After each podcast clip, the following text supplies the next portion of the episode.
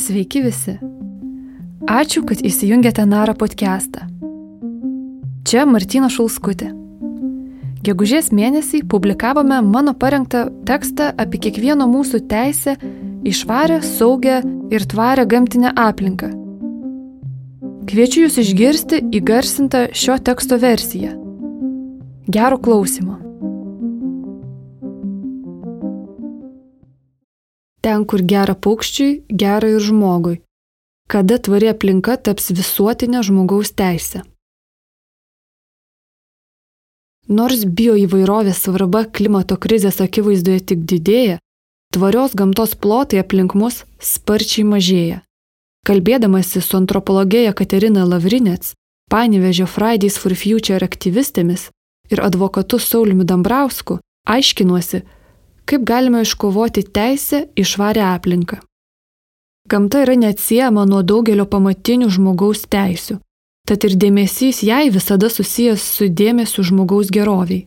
Jei suteikiama ypatinga vertė gamtiniai aplinkai ir ji yra saugoma, laimi ne tik žmogus.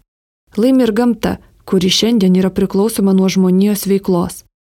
Tad žmogaus teisų idėja nuo pat pradžių buvo tampriai susijusi su gamtosauga. Vis dėlto gamtinė aplinka iki šiol nėra įtraukta į Junktinių tautų žmogaus teisų sąrašą. Persirikiuojant visuomenės vertybėms ir suvokiant, kokius padarinius gali sukelti dabartinė klimato krizė, šio straipsnio pašnekovai kalba apie Lietuvos situaciją, apie teisę į saugę, švarę, sveiką ir tvarę aplinką kaip visuotinę žmogaus teisę. Tačiau tai yra tik žvilgsnis iš žmogiškosios perspektyvos. Nors pasaulyje jau kalbama apie platesnį tikslą - realų gamtos teisų gynimą, šiame straipsnėje liksime prie žmogiškųjų rūpeščių. Vieno gale - žmogaus teisų ir gamtosaugos istorija. Lietuvos konstitucija sako, valstybė rūpinasi natūralios gamtinės aplinkos, gyvūnijos ir augalijos atskirų gamtos objektų ir ypač vertingų vietovių apsaugą. Prižiūri, kad su saiku būtų naudojami, taip pat atkuriami ir gausinami gamtos ištekliai.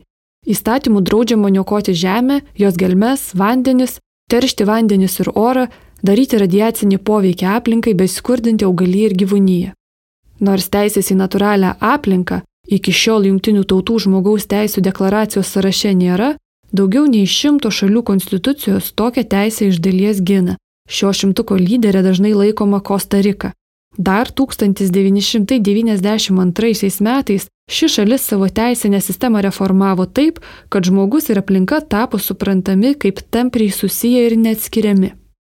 Didieji Kostarikos pokyčiai prasidėjo nuo dešimtmečio berniuko vardu Karlosas Roberto Mechija Kačion. Jam kėlė nerima, kad miesto savivaldybė atliekas pila ant upelio, prie kurio jis gyvena krantų. Su suaugusių pagalba berniukas kreipėsi į teismą, kuris galiausiai pareigojo savivaldybę išvalyti upelį ir toliau tinkamai tvarkyti atliekas. Vieno žmogaus ryštas nutraukė nusistovėjusią žalingą praktiką, o vieno teismo sprendimas paskatino tolesnius visos teisinės sistemos pokyčius Kostarikoje. Teisinės sistemos adaptavimas prie klimato kaitos iššūkių Kostarikoje dar nesibaigė. 2002 metais Tuometis Kostarikos prezidentas Abelis Pačeko pasiūlė į šalies konstituciją įtraukti nuostatą, kad valstybė turi garantuoti tvarę aplinką savo piliečiams. Ir nors tuo metu šis pasiūlymas parlamente nebuvo įtvirtintas, turtinga gamtinė aplinka Kostarikoje turi ypatingą reikšmę. Užimdama vos 0,03 procento pasaulio sausumos teritorijos, šalis gali didžiuotis net 6 procentais planetos gyvūnijos ir augmenijos rūšių Turėdama ir vertindama tokią bioįvairovę, Kostarika išlieka viena pagrindinių gamtosaugos lyderių pasaulyje. O 2019 metais Junktinių tautų buvo įvertinta kaip Žemės čempionė. Teisės į švarį ir saugią aplinką užuomasgų galime pradėti ieškoti 1972 metais Stoholme vykusioje Junktinių tautų aplinkos konferencijoje. Tuo metu Indijos ministrė pirmininkė Indira Gandhi konferencijos atidarimo kalboje klausė, ar neskurdas ir poreikiai yra didžiausi teršėjai.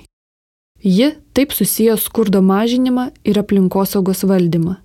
Indira Gandhi argumentavo, Kaip galime tikėtis, kad gyvenantieji kaimuose ir lušnynuose neterš vandenynų, upių ir oro, kai jų pačių gyvenimai užteršti nuo pat šaknų? Ji teigia, kad norint išsaugoti gamtinę aplinką, turi būti siekiama ir pažeidžiamiausių grupių apsaugos bei įgalinimo. Būtent skurdžiausios pažeidžiamiausių žmonių grupės pirmosios patiria gamtos nikimo pasiekmes ir turi mažiausiai galių savo teisę apginti teisinėje sistemoje. Dėl finansų, išsilavinimo stygiaus ir kitų problemų daliai žmonių teismai yra sunkiai pasiekiami. Be to, žmogaus teisų gynėjų situaciją nagrinėjančiose jungtinių tautų ataskaitose pabrėžiama, jog visame pasaulyje aplinkosaugos gynėjai susiduria su pavojais. Jie yra žudomi, bauginami, patiria priekabiavimą ir stigmatizavimą, yra stumiami iš savo namų. Pasaulyje per savaitę nužudomi vidutiniškai trys gamtinę aplinką ginantys žmonės. Tad labai svarbu, kad teisinė sistema gintų aplinką ir jos išsaugojimus susirūpinusius žmonės. Šiuo metu Lietuvoje vienas svarbiausių dokumentų - gamtinę aplinką kaip viešai interesą ginantiems žmonėms - yra Orhuso konvencija. Ši konvencija aplinkos teisės susiję su žmogaus teisėmis, o tvarų vystimą su suinteresuotų grupių dalyvavimu procese. Pabrėžiama, jog teisėmis gali naudotis ir individai, ir asociacijos. Konvenciją ratifikavusios šalys turi užtikrinti gyventojų teisę gauti informaciją apie aplinką, teisę dalyvauti priimant su aplinka susijusius sprendimus, teisę kreiptis į teismus aplinkos klausimais. Nors gyventojai ir gamta yra saugomi įstatymų, visuomenėje pastaruoju metu girdisi daug nusivylimų dėl to, kaip Lietuvoje tvarkomasi su žaliuoju rūbu. Kaip rasti kompromisą tarp gyventojų ir verslo poreikių? Kas yra estetiškai priimtina ir kas vertinga gamtai? Kas yra tvaru, o kas tik trumpalaikiai sprendimai? Apie tai, ką Lietuvoje reiškia atstovauti viešajam interesui ir apie natūralią aplinką kaip žmogaus teisę, kalbėjausi su antropologė iš Vilniaus Jekaterina Lavrinets, Fridays for Future atstovėmis panevežėje Ugnėmis Sevičiūtė, Vilma Raustėje Zaveckaitėmis bei advokatu iš Kauno Sauliumi Dambrausku. Teisės į aplinką gynėjai Lietuvoje. Mums reikia labai paprastų dalykų. Miesto antropologija Katerina Lavrinets daugiau nei 15 metų tyrinėja miestą ir bando suprasti, kaip gyventojai naudoja ir kaip patiria miesto erdvę. Savo tyrimuose ji klausia, ką reikėtų daryti, kad jų potyriai viešosiuose erdvėse pagerėtų. Bandydama suprasti miestiečių ryšį su miestu, mokslininkė susitinka su gyventojais, ima iš jų interviu ir per dalyvaujamosius metodus įtraukia žmonės į meninius užsiemimus bei akcijas. Mums nereikia skraidančių mašinų ir kelionių į kosmosą. Mums reikia tiesiog viešojo transporto ir labai paprastų dalykų - išsaugoti tai, ką turime dabar, sako kitos mano pašnekovės, panevežėtės, Fridays for Future atstovės. Panevežyje Fridays for Future pradžia galima laikyti 2021 m. kovo 19 d. Tada įvyko septintasis pasaulinis Fridays for Future streikas. Lietuviškojo Fridays for Future organizatoriai surengė vaizdo konferenciją socialinėms klimato krizės klausimams aptarti. Jie kvietė žmonės nusifotografuoti su plakatais prie savo miestų ir miestelių savivaldybių. Vilti Raustė taip pat nusprendė prisijungti Nuo tada prie Panevežio savivaldybės jos protestuoja kiekvieną penktadienį. Jų komandoje šiuo metu yra keturios merginos. Su teisinėmis problemomis ginant žmogaus teisę į gamtinę aplinką Lietuvoje yra susidūręs ir advokatas Saulis Dambrauskas. Savo bylomis jis nusekliai siekia strateginių pokyčių teismų praktikoje. Advokatas ieško būdų, kaip Lietuvos teisinėje sistemoje piliečiai galėtų užtikrinti teisę ginti savo gamtinę aplinką net tuo atveju, kai ta aplinka nėra jų privati nuosavybė. Jis mano, kad viešojo interesų gynimas Lietuvoje šiuo metu išgyvena tam tikrą virsmą ir jo žodžiais tariant, tai yra net gimimo, o gimimo pradžia. Šiuo metu kreiptis į teismą, kad apgintų viešąjį interesą gamtos rytyje, gali tik tiesiogiai nukentėjęs žmogus, o plačiai visuomeniai šita teisė apskritai nepripažįstama. Advokatas paaiškina, kad nepaisant ratifikuotos Orhuso konvencijos, Lietuvoje teisę praktiškai ginti viešąjį interesą turi tik prokuratūra, tačiau žmogus yra tiesiogiai priklausomas nuo gyvenamosios aplinkos. Pavyzdžiui, pokyčiai mieste atsiliepia beveik kiekvienam jo gyventojui. Jekaterina Lavrinets sako, kad miestiečių, ypač pėsčiųjų patirtis mieste, yra neatsiejama nuo miesto žaliojo rūbo. Tačiau žalesis miesto rūbas ilgą laiką nebuvo Jekaterinos prioritetinės rytis, nes jai, kaip ir daugeliu miestiečių, tai buvo savaime suprantama ir patogi duotybė. Pastaraisiais metais prasidėjusi Vilniaus miesto plėtra sukėlė gyventojų ir pačios Jekaterinos rūpestį. Mes pradėjom sparčiai netekti žaliųjų miesto jungčių, o žaliosios viešosios erdvės pradėjo netekti kokybės, sako ji. Ugnė iš Fridays for Future taip pat sako nesijaučianti rami, matydama pokyčius vykdomus ir miesto ir užmieščio gamtoje. Man baisu, kad nyksta miškai, nes miškus aš visą gyvenimą labai mėgau, savo asmeninį ryšį su gamtinė aplinka įvardyja ugnė. Man tai yra beveik šventos vietos. Ji pastebi, jog dėl to, kad Panevežys yra pramoninis miestas, o rajone daug ūkininkaujama, tai, kas dar likia apskrityje, yra labai aktyviai naikinama. Ugnė nerimauja. Vieną dieną mes sustosim ir suvoksim, kad nebeturime medžių ir tų švarių upių ruožų, kur galėtume maudytis. Mano pašnekovai gamtosauga mato kaip neatsiejama nuo žmogaus interesų ir teisių. Gyventojų ryšys su aplinka yra daugias sluoksnis, tad gamtos kokybė tiesiogiai veikia kaimo ir miesto žmonių gyvenimus. Teismų praktika Lietuvoje kiekvienas turi teisę ginti savo teisės, ar kiekvienas turi ginti savo teisės. Saulis Dambrauskas sako, kad šiuo metu žmonės Lietuvoje turi labai silpnus įrankius paveikti gamtinėje aplinkoje vykdomus pokyčius. Nesvarbu, ar juos vykdytų verslas ar valstybė. Jis pabrėžia, kad visuomenės teisų turinys priklauso nuo jos teisinių galimybių teismuose. Kad įrankis veiktų, įstatymuose egzistuojanti teisė iškilus konfliktui turi būti užtikrinama teismų. Dažniausiai, sako advokatas, vienoj pusėje stovi suinteresuota visuomenė, kitoj valdžios institucijos. Jis taip pat pastebi, kad piliečių ir verslo interesai tiesiogiai susiduria rečiau, nes komercinius projektus jau būna palaiminusios valdžios institucijos. Tad susipriešinimas vyksta tarp suinteresuotos visuomenės ir valdžios institucijų. Čia svarbiausias vaidmuo tenka teismams, sako advokatas ir apibendrina. Ir šioje vietoje mes turime pačią giliausią duobę ir problemą Lietuvoje.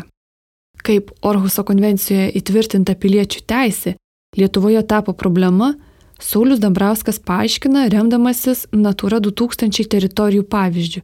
Natura 2000 yra ES gamtosaugos tinklas, skirtas saugoti gamtosaugos paveldui svarbės teritorijas. Pagal šio projekto nuostatas, ūkinė veikla Natura 2000 teritorijose nėra draudžiama, bet ji turi būti atsakinga. Tai reiškia, kad šių teritorijų savininkai ir naudotojai turi vengti bet kokių veiksmų, kuriais būtų daromas neigiamas poveikis ekologiniai struktūrai ar saugomoms rūšims. Jei atsiranda tikimybė, kad bioįvairoviai bus padarytas neigiamas poveikis, būtina imtis prevencinių priemonių, o abejojant dėl konkrečios priemonės poveikio privaloma vadovautis atsargumo principu. Tačiau Lietuvoje Natura 2000 teritorijose yra vykdomi plinieji kirtimai, nes daugelis miškų priskiriami ketvirtai kategorijai, kur ūkinės veiklos apribojimų nėra. Tokios teritorijos tvarkomos be aplinkosauginio reguliavimo ir nesulaukus gamtosaugininkų išvadų. Saulius Dambrausko teigimu, norint vykdyti ūkinę veiklą Natura 2000 teritorijose, privalu įvertinti tokios veiklos poveikį aplinkai, kad būtų užtikrinta, jog nebus pakengta tam, kas yra saugoma. Tačiau didysis nesusikalbėjimas tarp visuomenininkų ir institucijų kyla nesutariant, kas yra tarp įstatymo eilučių. Ir aplinkos ministerija, ir generalinė urėdija nepripažįsta šio esminio principo. Šiuo metu jie vadovaujasi nepamatinėmis įstatyminėmis nuostatomis perkeltomis iš Europos direktyvų, bet po įstatyminių įsakymų, kuriame pasakyta, kad išvada dėl ūkinės veiklos reikšmingumo yra reikalinga prieš gaunant statybos leidimą. Jie daro išvadą, kad tik tai tada, kai bus vykdoma statyba, reikės aplinkosaugininkų išvados. O kad mišką plinai iškirstoje vietoje, kur paukščiai turi savo lizdus, tai tam aplinkosaugininkų įvertinimo nereikia? klausia advokatas. Tačiau suinteresuota visuomenė, tai yra pavieniai žmonės ar nevyriausybinės organizacijos, kurie mano, kad toks miškų naudojimas pažeidžia esminius teisės reikalavimus, Teismuose susiduria su keblumais, nes teismai tiesiog nepripažįsta jų reikalavimo teisės ir atsisako nagrinėti skundus. Advokatas sako, aš įkūriau viešojo interesų gynimo fondą, kurio misija yra pakeisti šias galimybės. Esu įsitikinęs, kad toks valstybės elgesys yra netinkamas, jis pažeidžia mūsų konstituciją ir europinį reguliavimą. Advokatas teigia, jog pavyzdžiui, miškų bylose teismo sprendimus galima būtų išaiškinti taip. Jūs miško ten neturite, niekas nesikesina į jūsų asmeninę teisę, o viešo intereso ginti jūs negalite, nes tam yra prokuratūra. Saulis priejo išvadą, kad tokiais atvejais teismas tiesiog nesprendžia bylos, o tai reiškia ir nevykdo savo konstitucinės priedermės vykdyti teisingumą. Advokatas tęsė. Lietuvoje teismas, aiškindamas bendrą nuostatą, jog kiekvienas turi teisę ginti savo pažeistas teisės, susikoncentruos ne į kiekvienas, o į savo. Tai, kad jūs gyvenate ir kvepuojate savo miesto orų, yra per daug abstraktu. Anot advokato, jeigu būtų teisingai traktuojami visi įstatymai, kurie numato svarstymą su visuomenė, taip pat ir Orhuso konvencija, galėtų būti normalūs teisiniai įrankiai. Nusistovėjusi teismų praktika Lietuvoje, anot Saulis Dambrausko, trukdo ginti viešą interesą. Dėl teismų atsargumo, konservatyvumo ir biurokratiško požiūrio į sprendžiamus klausimus daug bylų baigiamos dėl procesinių pažeidimų net nepradėjus svarstyti esminių teisingumo klausimų. Advokatas situaciją apibendrina pavyzdžių, kai Kaune buvo kertami gyvybingi brandus gatvių medžiai ir grupė žinomų Kauno gyventojų prašė panaikinti leidimus medžiams kirsti, Tuomet teismas nutarė, kad tai pareiškėjų teisų nepažeidžia, nes ne jų medžiai kertami, ne jiems išduoti šie leidimai ir ne jie šiuos leidimus išdavė. Tas advokatas pastebi, jog šioje situacijoje gyventojai patiria neteisybę, nes tarša, oro kokybė, klimatas, bioįvairovė, vandens kokybė yra svarbus ne tik toje teritorijoje gyvenantiems žmonėms. Dėl taršos ir triukšmo trumpėja miestiečių gyvenimo trukmė. Su pertvarkymais, keičiančiais gamtinę aplinką ir keliančiais jai grėsmę susiduria ne tik sparčiai besiplečiančių didmeščių gyventojai. Mažesni miestai taip pat stipriai pertvarkomi savivaldybėms pasinaudojant ES lėšomis. Tokiais atvejais viešosios erdvės atnaujinamos neatsižvelgiant į tose erdvėse nusistovėjusias praktikas ir žaliosios dalies kokybę, sako miesto tyrėja Jekaterina Lavrinets. Bendruomenės jaučia, kad jų rekreaciniai gyvenimo kokybės ir kokybiškos aplinkos poreikiai yra ignoruojami tas aplinkas užstatant arba tiesiant kelius per žaliasis erdves.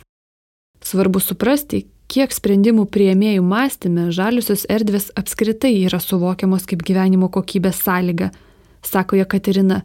Taip pat, kiek į gyventojų sveikatą kaip parametrą atsižvelgia sprendimus priimantis tarnautojai ir politikai.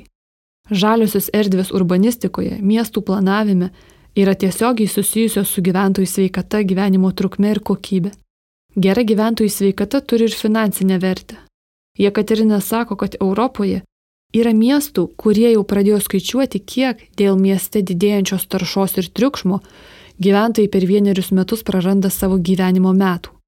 Birmingamo mieste buvo suskaičiuota, kaip finansiškai atsipirktų žalių erdvių pasiekiamų pešiomis per 15-20 minučių tinklas. Jie sako, jog vienas į parkus investuotas svaras sterlingų grįžta kaip 24 svarų sterlingų nauda visuomeniai.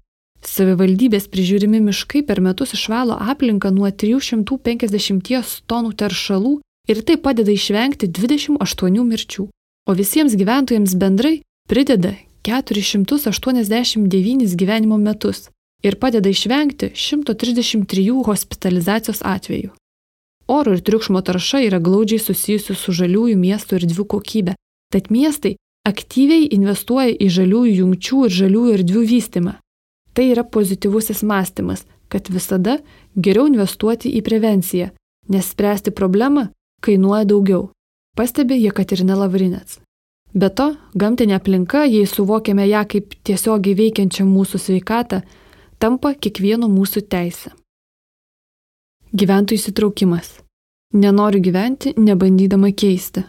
Kai tavo aplinka keičiasi be tavo žinios ir galimybės dalyvauti, visa tai veikia neigiamai ir stumia į tokį nerimą, kuris gali užsitęsti savaitės ar mėnesius, sako miesto antropologija Katerina Lavrinets. Todėl tampa įprasta, kad žmonės socialiniuose tinkluose būrėsi į grupės, kad kartu aptartų kaiminystėje vykdomus projektus. Tokiuose grupėse pokyčiai pirmiausiai vertinami. Juos siekiama koreguoti arba stabdyti, jeigu yra nepalankus gyventojams. Tačiau šios grupės ne tik reaguoja į projektus, sako Jekaterina Lavrinets. Jų nariai teikia psichologinį palaikymą vieni kitiems. Psichologinis palaikymas aplinkos pokyčių akivaizdoje yra labai svarbus išgyvenant ekologinį nerimą, su kuriuo susiduria šių laikų žmonės. Psichologė Audra Balundė plačiau tai aptarė Nara tinklalaidėje Vien žinoti negana - klimato krizės sprendimai su psichologė Audra Balundė. Ir LRT laidoje Homo kultus - žmogus ir miestas - dalyvavimas formuojant aplinką ir ekologinis nerimas pokalbio metu su Jekaterina Lavrinets.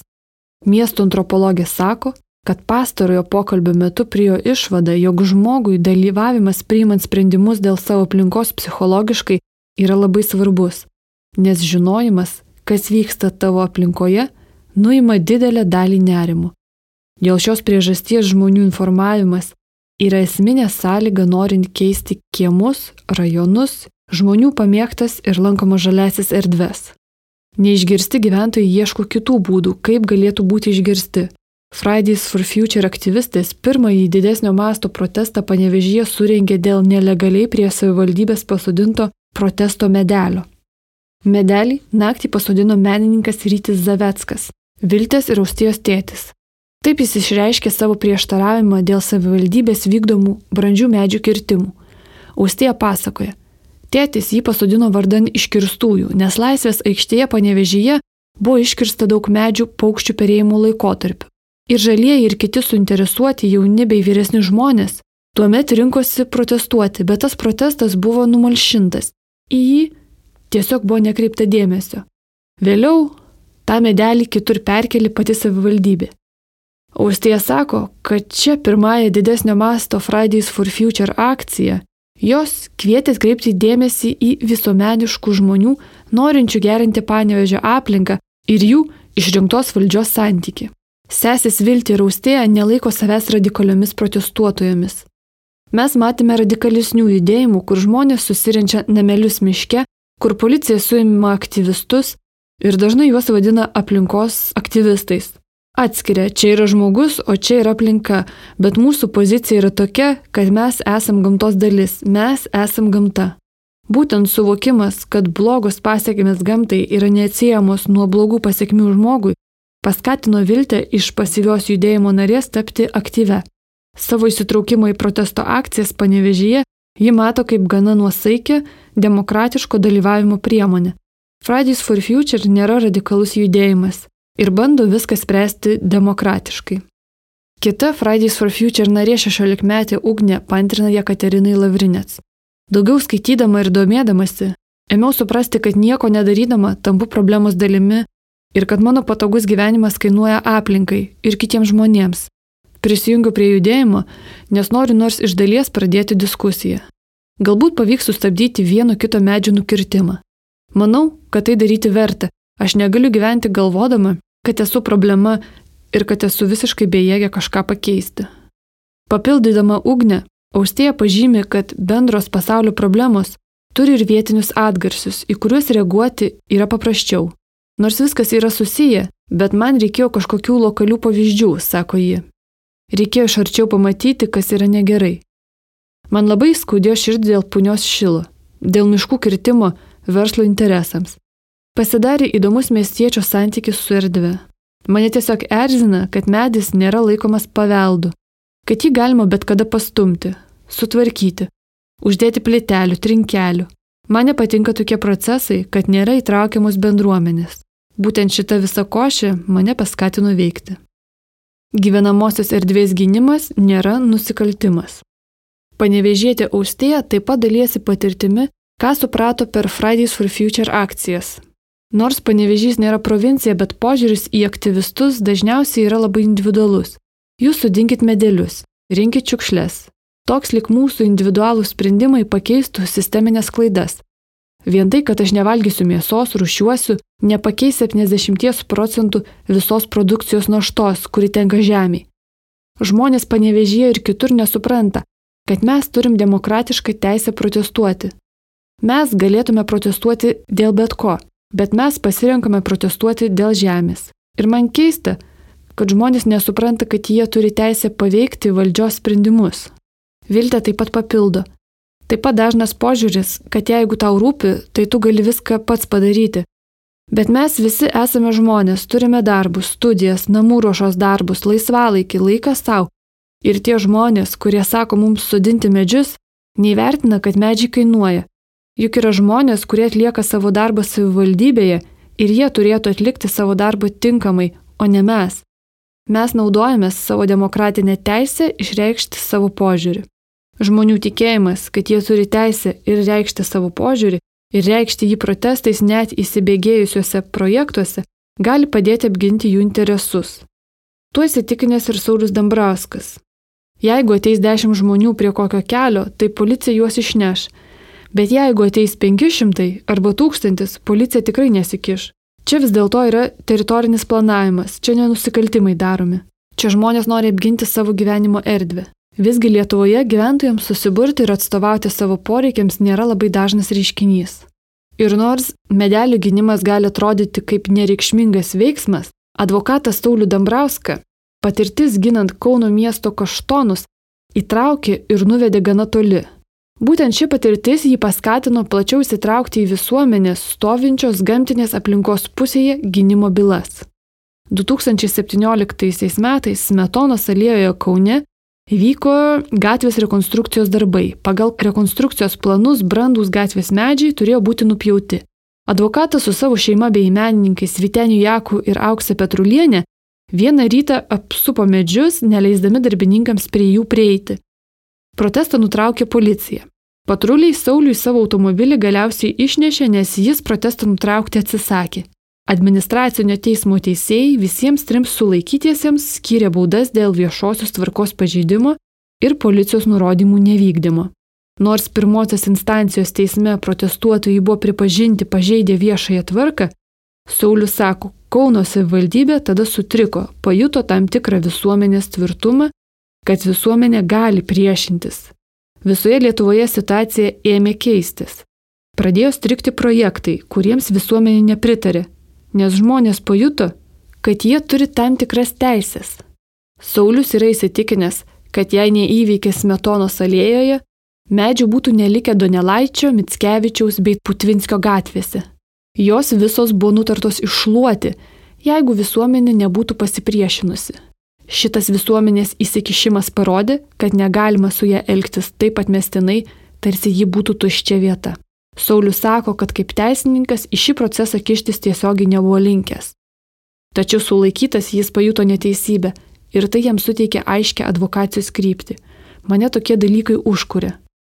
Sauliaus ir kitų protestuotojų byloms pasiekus apeliacinį teismą, jam svarbiausia buvo neišvengti bylos.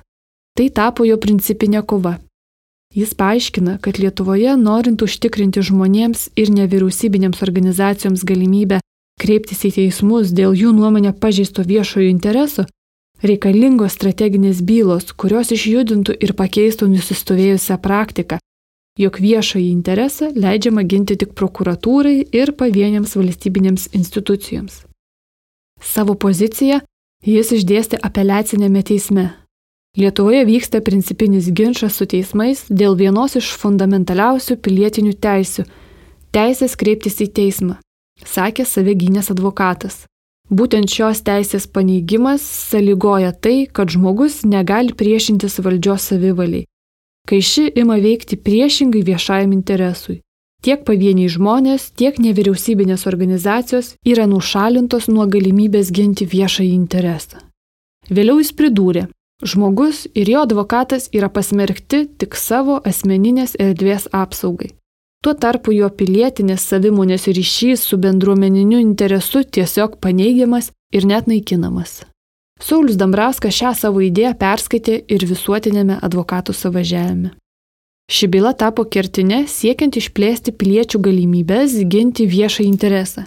sveiką ir švarę aplinką, savo miestą, vaikų ateitį, vietinę infrastruktūrą, o ne tik atitaisyti patirtą asmeninę žalą.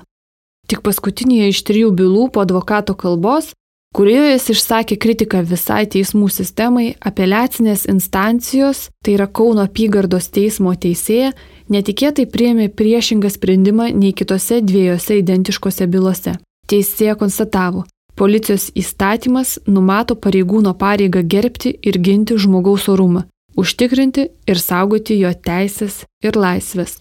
Teismas taip pat nurodė, kad Išnagrinėto įvykio metu ginčas tarp savivaldybės ir suinteresuotos visuomenės narių grupės buvo neišspręstas teisinėmis priemonėmis.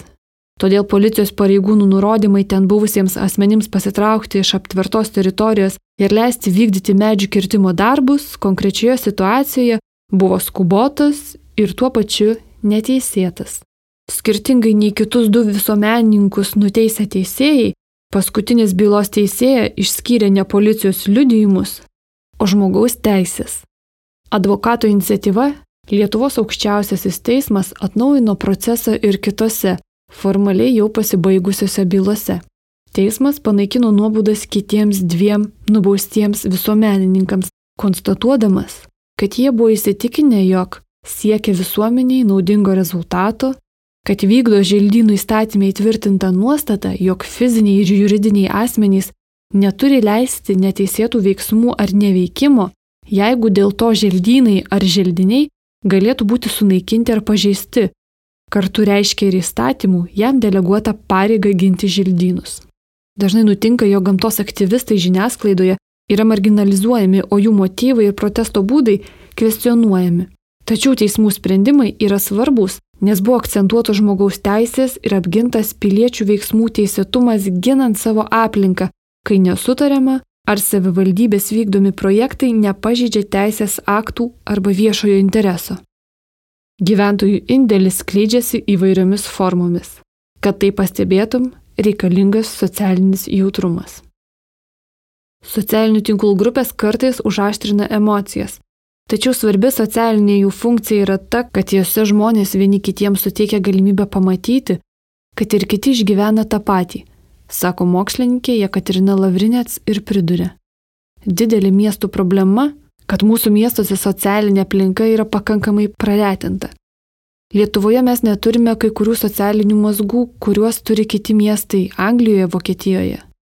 Ten yra daugiau socialinių klubų, kurie jungia įvairaus amžiaus grupių atstovus ir veikia kaiminijų lygmenių. Per įsijungimą į įvairius socialinius mazgus, socialinės veiklas jautiesi sociumo narys, formuojasi tankesni ryšiai tarp žmonių. Tokios bendruomenės gali aktyviau įsijungti į savo aplinkos formavimą ir išsaugojimą. Kad tokie socialiniai mazgai atsirastų, reikia įdirbio ir laiko vykdyti nuoseklės, į mažą mastelį orientuotas kultūrinės, socialinės ryšių užmėsgymo veiklas. Kita vertus, sako Jekaterina, pačios viešosios erdvės taip pat yra svarbios. Mes turime labai daug vienišų žmonių.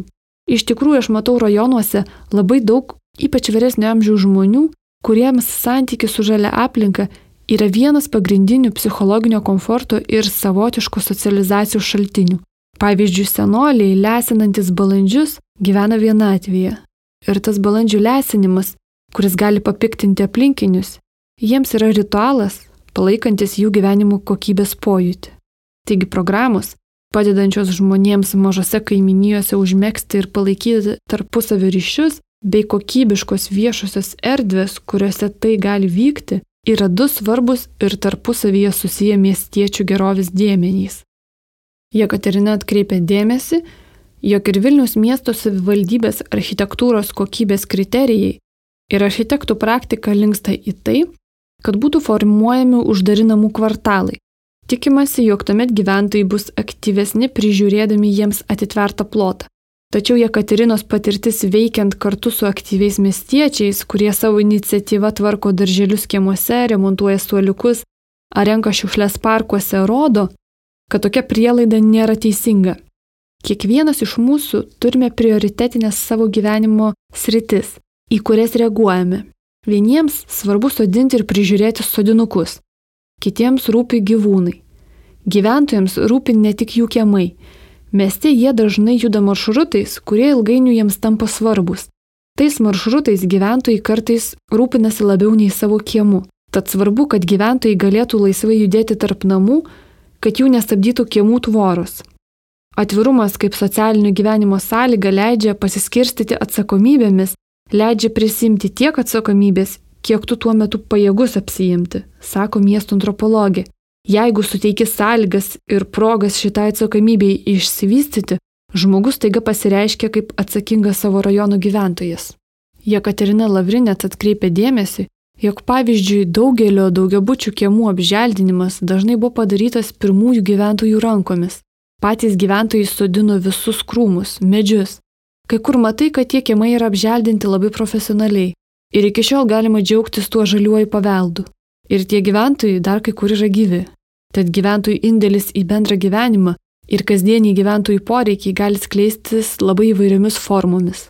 Kad tai pastebėtum, reikalingas socialinis jautrumas, dėmesys ir sąlygos. Aš tikiu, kad sėdint kabinetuose ir projektuojant kiemus, tu neturi progos to suprasti, sako Jekaterina Lavrinets. Tiesiog stebėti gyvenimą, kuris kleidžiasi viešose miesto erdvėse, kiemuose ir žaliose aplinkose, nėra tavo profesijos dalis. Dėl šios priežasties atsiranda prieš priešą tarp tų, kurie rengia popierinius projektus ir tų, kurie tose erdvėse būna. Jomis naudojasi ir kuria juose savo gyvenimo ryšius. Kas galėtų pykti už tai, kad bandai apsaugoti medį?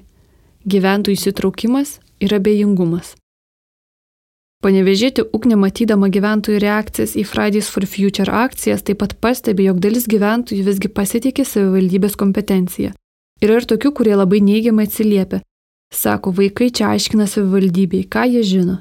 Jeigu reikia, tai kerta.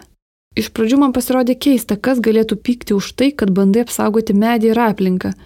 Juk aplinka tai ir žmonių sveikatos klausimas ir apskritai mūsų gerovės klausimas. Pradedi pastebėti, jog žmonės taip sako todėl, kad apie ekologiją ir klimato krizę yra šnekama labai siauram ratui. Žmonės paprasčiausiai nesupranta pačios problemos ir iš dalies bijo keistis. Visgi ugnė tai priema ramiai, nes sako, kad nors iš pradžių ją tai išgazdino, dabar atrodo, jog tai yra tiesiog natūrali kismo proceso dalis. Nusistatymas prieš jau yra labai tvirta pozicija, didžioji dalis visuomenės yra bejingesnė Ir jei tas nedidelis procentas žmonių, kuriems tikrai rūpi, bus aktyvus, eis protestuoti, vykdys akcijas, ta bejingųjų dalis eis kartu su jais. Savo šeimą man taip pat pavyko keletą kartų įtikinti. Manau, kad pokyčiams to užtenka. Tačiau vykdant miesto plėtrą ar kitus pokyčius mikrorajonuose, gyventojų įtraukimo etapas savivaldybės dažnai yra prašokamas. Jekaterina sako matanti dvi pagrindinės to priežastis. Pirmiausia, miesto administratoriams svarbus projektų įgyvendinimo greitis. Gyventojų įtraukimas viską labai sulėtina. Jekaterina sako, kad savivaldybės siekia greitai nupirkti paslaugas ir iškart pradėti jas įgyvendinti. Yra ir baimės, kad sprendimui gali pakengti per didelį nuomonių įvairovę. Jekaterina pabrėžia, kad nors Orhuso konvencija Lietuvoje yra ratifikuota, tai kaip ji perkelta į vietos įstatymus Ne visada jai leidžia būti veikiančių įrankių. Lietuvoje gyventojų įtraukimas dažniausiai suprantamas kaip gyventojų informavimas. Jekaterina duoda pavyzdį iš neseniai priimtos atnaujintos želdynų įstatymų redakcijos. Redakcijos rengėjai akcentuoja, kad tam tikrame etape gyventojai gali gauti daugiau informacijos apie rengiamą projektą. Pas mus dalyvavimas yra suprantamas tik kaip teisė gauti informaciją daroma prielaida, kad gyventojas yra ganėtinai pasyvi pozicija. Visgi Jekaterina pastebi, kad įsitraukimas į aplinkos klausimus užima nemažai laiko. Gyventojai turi rinkti parašus, užsisakyti planuojamų pašalinti medžio ar želdinių ekspertizę. Gyventojai, norintys užtikrinti savo aplinkos projektavimo kokybę, turi tai daryti savo darbo, laisvalaikio ar šeimos laiko sąskaitą. Nors rengėjai ir argumentuoja, kad įstatymų pataisos įtvirtina daugiau tyrimų vykdant projektus ir įpareigoja vykdytojus teikti daugiau informacijos, ši želdinių įstatymo redakcija įtvirtino barjerą dalyvauti gyventojams. Ugne, kalbėdama apie tai, kodėl žmonės savo nuomonę Panevežių miesto plėtros projektuose išreiškia retai, išvelgia ir savivaldybės atsakomybę. Savivaldybė paprastai paskelbia, kad priima žmonių nuomonę, bet šitą informaciją pateikia labai siaurai žmonių grupiai ir žmonės tiesiog nepasidomi. Ir tuomet taip netiesiogiai miesto bendruomenė yra kaltinama, kad ji nėra aktyvi, bet žmonės paprasčiausiai neturi laiko arba motivacijos, nes atrodo lyg niekur nevyksta. Ir tik tada jau plačiau pasidomėjęs tu surandi, kad kažkada kažkas seniai vyko. Šiuo metu panevežėjai yra įsibėgėjęs Kniaudiškių parko atnaujinimo projektas. Su juo visuomenė buvo supažindinta 2018 metais, tačiau Ugnė pasakoja, kad apie tai jį tuomet negirdėjo ir tai praleido galimybę išreikšti savo poziciją. Jos manimų žmonės, prie kurių namų yra ta vieta ir kurie jie naudojasi, nebuvo nei klausiami, nei išgirsti. Fridays for Future merginos kol kas taip pat nesijaučia išgirstos. Reakcija, kurios iki šiol jos sulaukė iš savivaldybės, yra tyla. Ugnė svarsto, gal jie tikisi, kad mes pavargsime. Ir nors labai bejoju, bet labai tikiuosi, kad jei surenksime daugiau tokių didesnių protestų, tuomet jie pradės su mumis kalbėtis. Bet kol kas manau, kad jie paprasčiausiai tikisi mūsų ignoruoti ir kad tai darys ir visa visuomenė. Bet Austėja patikina, kad Panevežio Fridays for Future pavargti neketina. Dabar mes esame labai suvaržyti dėl karantino, o protestas internete greitai pasimeta tarp kitų socialinių tinklų žinučių ir visos rauto. Tai jis nelabai efektyvus. Dėl to į gyvą susitikimą tikime sukviesti žmonės vasarą ir su didesnė masė spręsti kartu. Austėja supranta, jog galimybę išreikšti savo poziciją valdžiai reikia naudotis. Protestas yra privilegija. Iš tikrųjų, ne visi turi galimybės išeiti gatves ir protestuoti, sako ji. Mes, jauni žmonės, dar nesame tiek daug apsikrovę darbais ir atsakomybėmis. Tarp mano draugų atsiranda žmonių, kurie sako, kad labai nemalonu eiti prieš autoritetą, prieš savivaldybę. Bet aš stengiuosi kuo draugiškiau ir atviriau bendrauti ir paaiškinti savo poziciją, nes reikia nepulti žmonės, kurie neturi informacijos, o su jais kalbėtis ir spausti politikus. Austė yra iliustratorė ir sako, kad idealiu atveju ji norėtų ramiai dirbti. Ir kad nereikėtų man keliauti ir labai draskytis dėl tokio dalyko, kuris yra savaime suprantamas. Bet kartu jos noras yra nors kiek sumažinti šios didžiosios klimato krizės padarinius. Tam, kad gyventojai galėtų įsitraukti į miesto ir miesto žaliųjų erdvių planavimą, projekte turi būti skiriama pakankamai laiko, Stambaus masto projektai, kurie radikaliai keičia žaliasis erdves, pavyzdžiui, alėjas, bulvarus, miesto aikštės, turi turėti prabangą rezervuoti bent jau dviejus metus tam, kad gyventojai galėtų išsakyti savo poziciją. Nebejoja Katerina Lavrinets. Per atvirą moderuojamą dialogą skirtingos gyventojų pozicijos išsikristalizuoja. Ir tai turėtų vykti dar prieš administratoriui pretenduojant gauti lėšas. Jei miesto administratorius sumano kažką keisti, Jis turi būti tikras, kad gyventojams to iš tikrųjų reikia. Fridays for Future narė Austėja pastebi, kad politikai galbūt nenori girdėti, jog nieko keisti nereikia. Mes žiūrėdami į politikus labiau atsiminsim tuos, kurie pertvarkė parką, negu tuos, kurie paliko medžius ir tik pastatė kelis suoliukus. Mums reikia kažkokių didelių simbolių, už kurių nepamatome kitos pusės. Radikalūs aplinkos pokyčiai yra netektis, Antras toks pat medis, kaip užaugęs prieš 50 metų, šiandien neužauks. Prieš kokius 5 ar 10 metų būdavo išgirzdavai benzininį pjūklą, tai nesukdavai savo galvos. Priešingai, džiaugiaisi, kad kažkas tvarko aplinką. Šiandien daugeliu šis garsas mieste kelia nerimą, nes nežinai, kas vyksta. Anksčiau aš visiškai pasitikėjau tuo, kaip Kauno apželdinimas yra tvarkomas, sako Saulis Dambrauskas, tačiau dabar aš visiškai nebepasitikiu. Taip yra todėl, kad tiek medžių nupjovimas, tiek senų kelmų pašalinimas, tiek brangių atvežtinių medelių pasodinimas didina Europinio projekto vertę. Įsisavinama didesnė pinigų suma, svarbus kriterijus yra pinigai. Jekaterina sako, jog projektuojant miestą dažnai dėl nerūpestingumo, neprofesionalumo ar neįsigilinimo pasitaiko klaidų, kurios pražudo miesto medžius. Jų šaknis nukertamos, nes architektai Lietuvoje nėra pakankamai išsilavinę, kad suprastų medžių poreikius ir atsižvelgtų juos.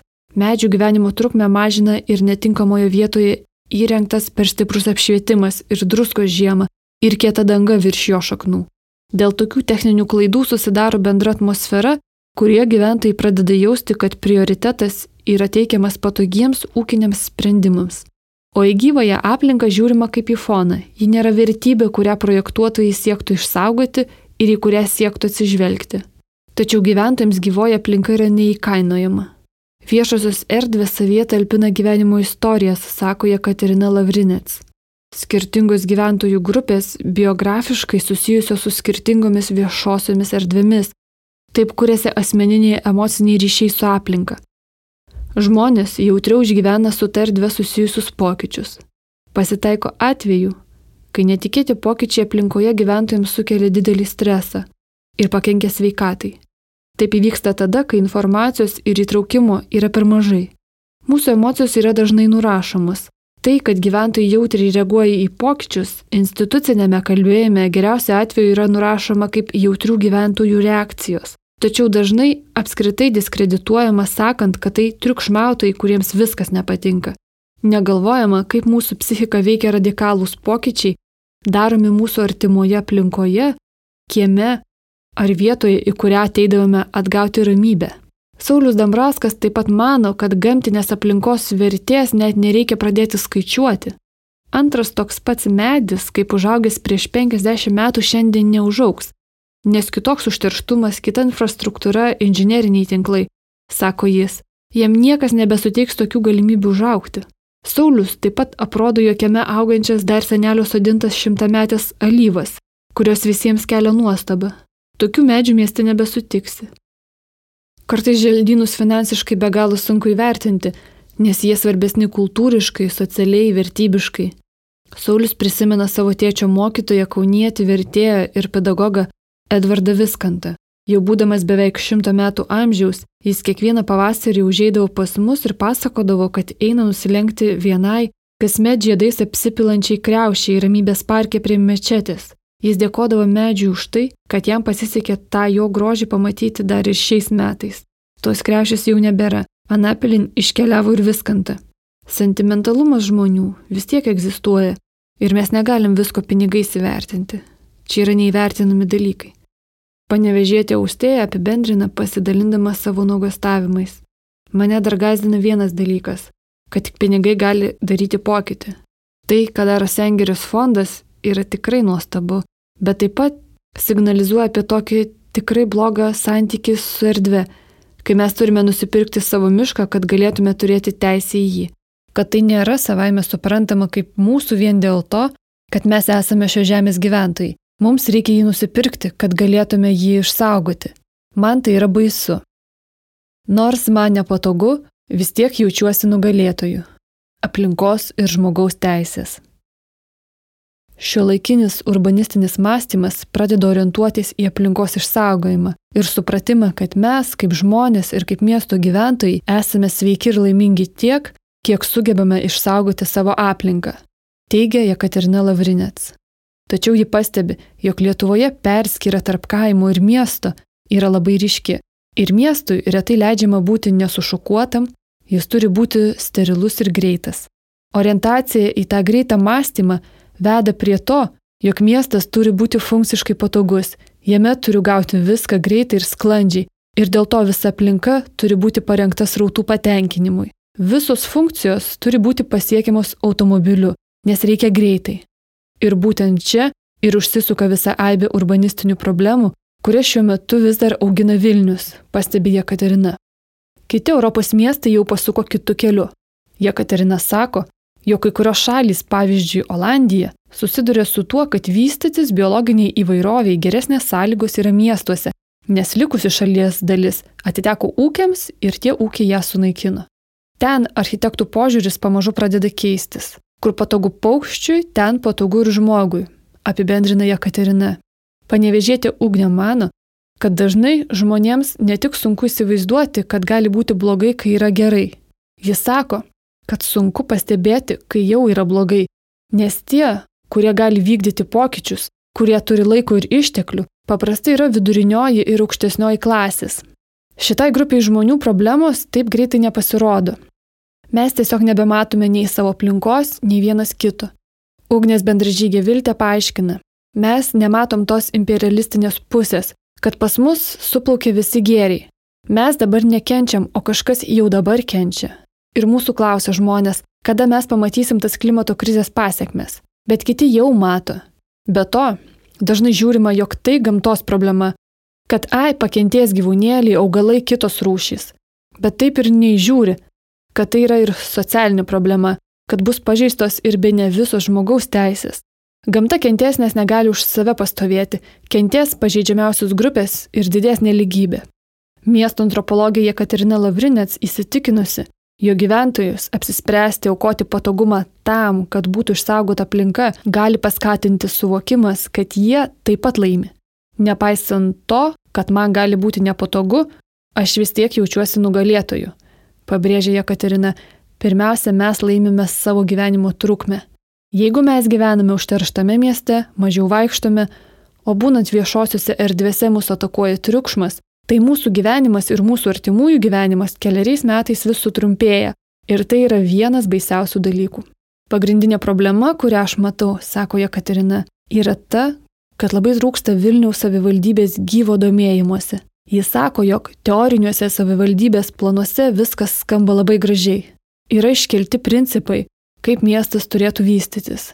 Yra darnaus judumo planas, kuriame savivaldybė žada, kad miestiečiai daugiau vaikščios, kad bus daugiau žaliųjų erdvių. Tačiau realybė nuveda priešingą kryptimį, nes miesto vystimo metodas labiau būdingas ne šio laikiniai, bet 8 ar 9 dešimtmečio urbanizacijai. Jekaterina sako, kad ji ir kaip tyrėja, ir kaip miesto gyventoja dėl to jaučia didelį nerimą. Tai yra jau panika kelintis dalykas, nes mano akimis Vilnius jau yra kur kas mažiau palankus sveikam gyvenimui nei buvo prieš šešerius septynerius metus. Viena iš ES direktyvų įpareigoja savivaldybės padaryti sąlygas gyventojams žinoti, kokia yra jų aplinkos kokybė. Didžioji dalis viešųjų erdvių arba rekreacinių zonų Vilniuje yra raudonosios zonos. Jos patenka į automobilių triukšmo zonas. Dėl to mes negalime ilsėtis išeidami į žaliasias zonas. Ir tai yra nuovargį gyventojų kelintis dalykas. Gyventojų sveikatai neįgiamai atsiliepia ir didėjantis kietos dangos plotai. Kai yra platinamos gatvės, šalygatviai, vėjose liejami betono koriai, statomos didelis priekybcentrių aikštelis, buvusių medžių, sodų ar pievų erdvėse. Tai sukelia karščio bangas mieste ir trumpina gyventojų gyvenimo trukmę. Žalieji plotai, būtini miestiečių sveikatai palaikyti, yra aukojami automobilių parkavimui. Jekaterina savo moksliniuose darbuose dešimt metų tyrė, kaip gyventojai naudoja viešasis erdves. Jis sako, jog centrinėje Vilniaus dalyje pėsčiomis nueinamas atstumas ir laikas gerokai sutrumpėja. Mes, kaip miestų gyventojai, dabar esame priversti perkurti savo maršrutus nes daugelis jų tampa nesuderinami su noru išlikti mieste sveikam. Gyventojams tenka ieškoti vis naujų maršrutų, nes įprastos jungtys yra blokuojamos statybomis. Praėjimai tarp kiemų užtveriami ir tu gali vaikščioti tik taršiais perimetrais. Nuogastauja Jekaterina ir pastebi, jog aiškių ir gerų pokyčių tendencijų Vilniaus miesto planuose jį nemato. Naujame bendrajame Vilniaus plane kuris netrukus bus patvirtintas, yra konstatuojama, kad dalyje Vilniaus mikrorajonų trūksta žaliųjų erdvių. Tačiau tame pačiame plane per jau esamus žaliuosius plotus planuojami nauji keliai. Tankinamas užstatymas gyvenamaisiais namais. Atkreipia dėmesį Jekaterina ir priduria. Kai tankinami rajonai, kurie ir taip turi mažesnį želdyną, tai ne tik želdynų sumažėja, bet dar padidėja jų naudotojų skaičius. Tai reiškia, kad jeigu anksčiau kažkoks nedidelis želdynas galėjo aptarnauti kelis tūkstančius gyventojų, tai dabar dar keli tūkstančiai prisideda. Galima apibendrinti, kad Lietuvos miestų gyventojų teisė įgyventi šalia pasiekiamo žaliosios zonos šiuo metu kyla grėsmė. Be to, gyventojams svarbi ne tik gamta, bet ir ramybė gamtoje. Jekaterina priduria, svarbu apskritai permastyti, kas yra miestai ir kokie jie turėtų būti. Nebegalime iš inercijos veikti toliau. Urbanizacija negali vykti pagal senus algoritmus, kurie buvo būdingi praeitame amžiuje. Amžiuje, kai buvo sudaromos sąlygos efektyviems ir greitiems automobilių ir pirkėjų srautams, o ekonominis efektyvumas buvo pirmoje vietoje. Šiuo metu mes susidurime su klimato krize. Tie miestai, kurie šiuo metu neinvestuos į savo reorganizavimą ir adaptavimąsi prie klimato kaitos iššūkių, ilgalaikėje perspektyvoje taps nesaugus gyventi. Fridays for Future aktyvistė Ugnė papildo šią Jekaterinos mintį. Naomi Klein savo knygoje tai viską keičia, rašo apie teritorijos, kurias galima paukoti. Iš dalies dėl to ir prisijungiau prie judėjimo, kad man pamažu pradėjo atrodyti, jog Lietuva tampa viena tų teritorijų. Mūsų miškai, mūsų aplinka ir netgi mūsų pačių darbininkai mums nelabai rūpi. Dėl skurdo kaltę irgi suverčiame skurstantiesiems, nors tai tiesiog socialinės priežastys. Iš esmės, jeigu mes patys nepasirūpinsime savo aplinką, jeigu nenubrėšime ribos, kur turime sustoti ir kur turim pradėti saugoti savo aplinką, mes tiesiog suvartosim viską. Tiek mes patys, tiek kitos šalys mūsų išnaudos. Sveikos, saugios, švarios ir tvarios gamtinės aplinkos saugojimas klimato krizės sąlygomis tampa svarbiu elementu saugant ir kitas žmogaus teisės - teisė į sveikatą, namus, orumą ir saugumą. Ateities vizijos. Advokatas Saulis Dambrauskas mano, kad valdžios institucijos ir verslas bijo tik visuomenės ir jos kreipimosi į teismą. Tačiau jei viskas tvarkoje, visuomenė nepavojinga. Mano gyvenimo tikslas, net jei būsiu neišgirstas, yra visą laiką belsti apie tai, kad visuomenė turi teisę kreiptis į teismą dėl viešojo intereso. Ir manau, kad užtektų šioje vietoje atverti nišą ir labai daug kas pasikeistų atsirastų garantas, užkertantis kelią bet kokiam piknaudžiavimui. Apibendrindamas savo patirtį ir Lietuvos situaciją, jis sako, kad yra du būdai, kaip būtų galima siekti aktyvesnio ir sklandesnio visuomenės dalyvavimo teismuose ginant gamtinę aplinką. Mūsų teismai yra silpni teisės aiškinimo srityje. Turime nuosekliai belstis, kol bus atidaryta Vis tiek atrasime kažkokią rodą, priversime juos išnagrinėti teisės esmę, atsakyti į klausimą, ar yra pažeista teisė viešojo intereso gynime ar nepažeista. Su pažeista teisė galima nukeliauti iki aukščiausiojo teismo arba net į Europos žmogaus teisų teismą ar Europos teisingumo teismą. Saulis tikina, jog visuomenės įsitraukimas yra sveikintinas, nes tai strateginių bylų klausimas. Sulaukus palankaus išaiškinimo kurioje nors byloje, Toliau tą išaiškinimą galima viešinti ir tikėtis laimėjimų kitose bylose. Kreipimasis į teismą yra brangus malonumas, nes reikia ir lėšų turėti, ir teisininkų susirasti. Niekas nesikreipia į teismą norėdamas atiduoti dalį savo gyvenimo, savo pinigų, rizikuoti bilinėjimosi išlaidomis ir įsivelti į ilgiausią bilinėjimąsi, jeigu žmogui nėra blogai. Bet jei žmogus ginasi, vadinasi, jam yra tikrai blogai. Čia kaip į kampą užspaustas gyvūnas. Jis gali tik gintis, sako advokatas Saulis Dambrauskas ir priduria. Aš tikiu, kad kada nors pasieksiu, jog žmogaus teisė kreiptis į teismą taps reali ir neatsieta nuo teismo priedermės vykdyti teisingumą. Tai pasiekęs laikyčiau, kad įgyvendinau ir savo profesinę misiją. Tarsi apibendrindama daugelio žmonių gamtos saugojimą matančių kaip viešai interesas siekius, Fridays for Future aktyvistė Ugnė sako, labai norėčiau, kad liautųsi kirtimai žaliosios miške. Taip pat, kad miesto medžiai ir augmenyje būtų išsaugomi kaip paveldas ir aplinkos keitimai būtų daromi aplink juos. Norėčiau, kad savivaldybė labai atvirai, labai aiškiai skleistų informaciją apie tai, kas vykdoma mieste, kad informacija būtų žmonėms prieinama ir paprasta skaityti. Būtų idealu, jeigu verslo poreikiai nebūtų laikomi aukščiau už visuomenės. Verslas yra gerai miestui, gerai Lietuvai, bet svarbu, kiek gerai ir kokia kaina. Ugnė taip pat pabrėžė, kad jai svarbu, jog verslas būtų atsakingas ir dėl jo nenukentėtų gamtinė aplinka, kad savivaldybė būtų netokia biurokratiška ir kad nuoširdžiai domėtųsi, ko nori žmonės kad Lietuvos mokyklose būtų daugiau kalbama apie aplinkosaugą ir klimato krizę.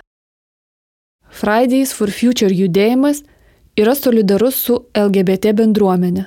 Taip pat praėjusią vasarą Klaipėdoje jie palaikė pasaulinį Black Lives Matter judėjimą prieš rasizmą.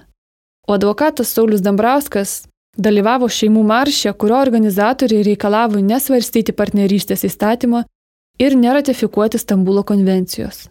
Politiškai šie žmonės yra priešingose spektro pusėse. Bet medžių išsaugomas yra tema, dėl kurios jie sutarė. Taip suteikdami vilti, kad kitais klausimais galima rasti bendrą kalbą. Nes vienas iš žmogaus teisų principų yra tas, kad negalima jų palaikyti selektyviai. Ne vienas pašnekovas neneigia reikalo ir prasmės tvarkyti želdynus. Vykdyti miestų tvarkymą, Tačiau visi sutinka, kad tai turi būti daroma kitaip. Pasaulinė klimato krizė ir kintantis visuomenės santykis su gamta keičia ir vertybių skalę, pagal kurią turi būti vystomi miestai ir šalys. 2020 m. rudenį Ženevoje 45-osios Junktinių tautų žmogaus teisų tarybos sesijos metu Kosta Rika pristatė jungtinį penkių valstybių kreipimąsi. Jame šalys prašo į visuotinės žmogaus teisės oficialiai įtraukti ir žmogaus teisę į švarę, saugę, sveiką ir tvarę aplinką. Iki šios dienos šį kreipimąsi yra pasirašiusios daugiau nei tūkstantis nevyriausybinio organizacijų iš viso pasaulio. Šiais metais vykusios sesijos metu Maldyvai šį jungtinį kreipimąsi pakartojo. Teisė į gamtą netrukus gali tapti visuotinai pripažinta žmogaus teisė. Ji turės būti ginama ne tik ją konstituciškai saugančių valstybių, ją saugos ir viršesnės jungtinių tautų žmogaus teisės. Dėl to dar vyks daug karštų diskusijų ir ginčių, nes tai gali reikšti visuomenės vystimosi krypties keitimą. Vystimosi, kuris remsis prielaida, jog išsekinta aplinka niekada nebus tvari ir sveika. Girdėjote tekstą Ten, kur gera paukščiui, gera ir žmogui. Kada tvari aplinka taps visuotinė žmogaus teisė? Jį perskaičiau aš, Martina Šulskutė, teksto autorė. Daugiau mūsų tekstų galite rasti Nara LT tinklalapyje. Kviečiame palaikyti mūsų darbą adresu patreon.com pasvirasis brūkšnys Nara LT. Ačiū nacionaliniai Martino Mažvido bibliotekai, kurios garso įrašų studijoje įrašėme šį tekstą. Įrašo garso režisierė yra Kata Bitoft. Ačiū Jums, kad buvote kartu. Iki.